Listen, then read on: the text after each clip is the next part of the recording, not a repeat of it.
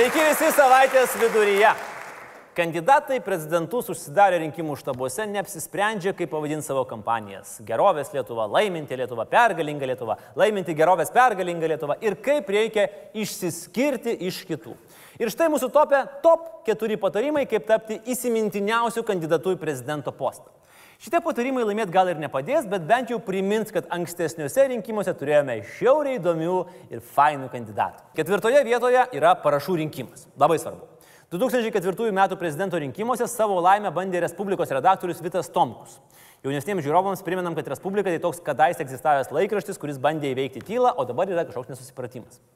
Vyriausiai rinkimų komisijai Tomkus pateikė 23 tūkstančius rinkėjų parašų. Kai juos patikrino, tikrais pripažino tik 18 tūkstančių.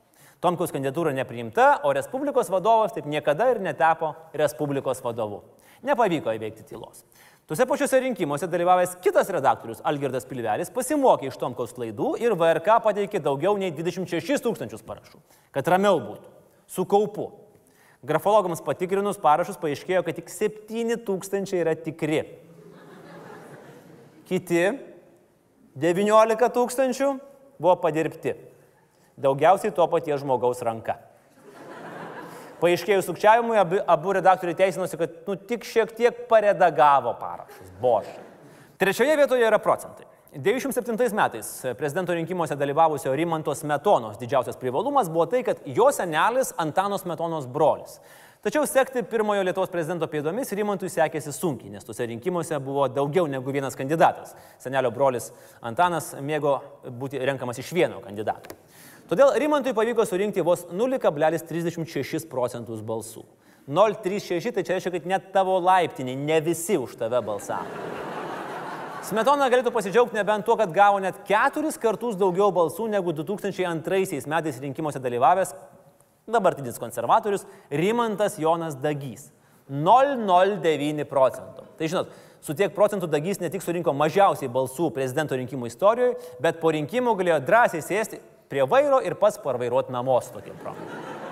Tais pačiais 2002 broliai Matulevičiai dviese bandė pagudrauti su procentais, ėjo abu du kartų rinkimuose ir tikėjusi, kad VRK gal susipainios ir užskaičiuos bendrai. Bet vis tiek per abu surinko vos 4 procentus. Antras geriausias patarimas. Kandidatas privalo turėti spalvingą biografiją.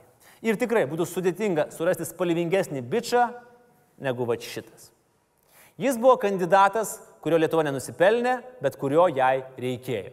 Ponės ir ponai, Australijos lietuvis Juozas Eduardas Petraitis. Dirbęs padavėjų, pardavinėjęs Rolls Royce'us, vežęs lietuvišką mėsą į Rusiją, o rusišką plieną į Tailandą, Vilniuje atidarinėjęs kengurinos restoranus, kolekcionavęs meną, organizavęs nelegalias statybas Andakalnyje.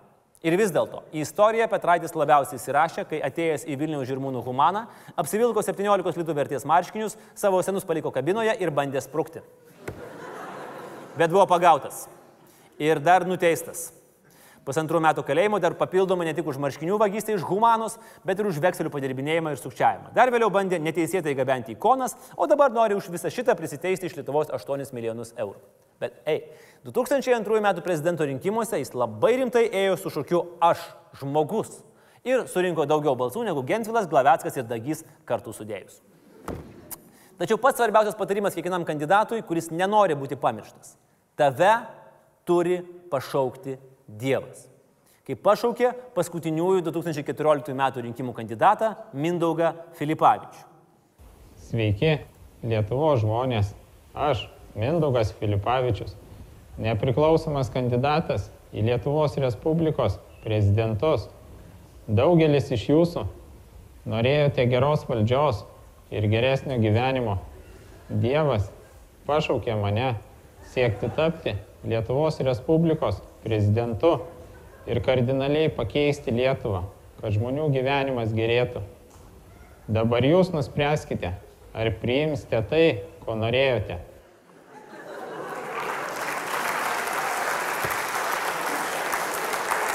Ten buvo viena problema su Filipavičiumi. Jis turėjo problemų, nes buvo elementariai per jaunas.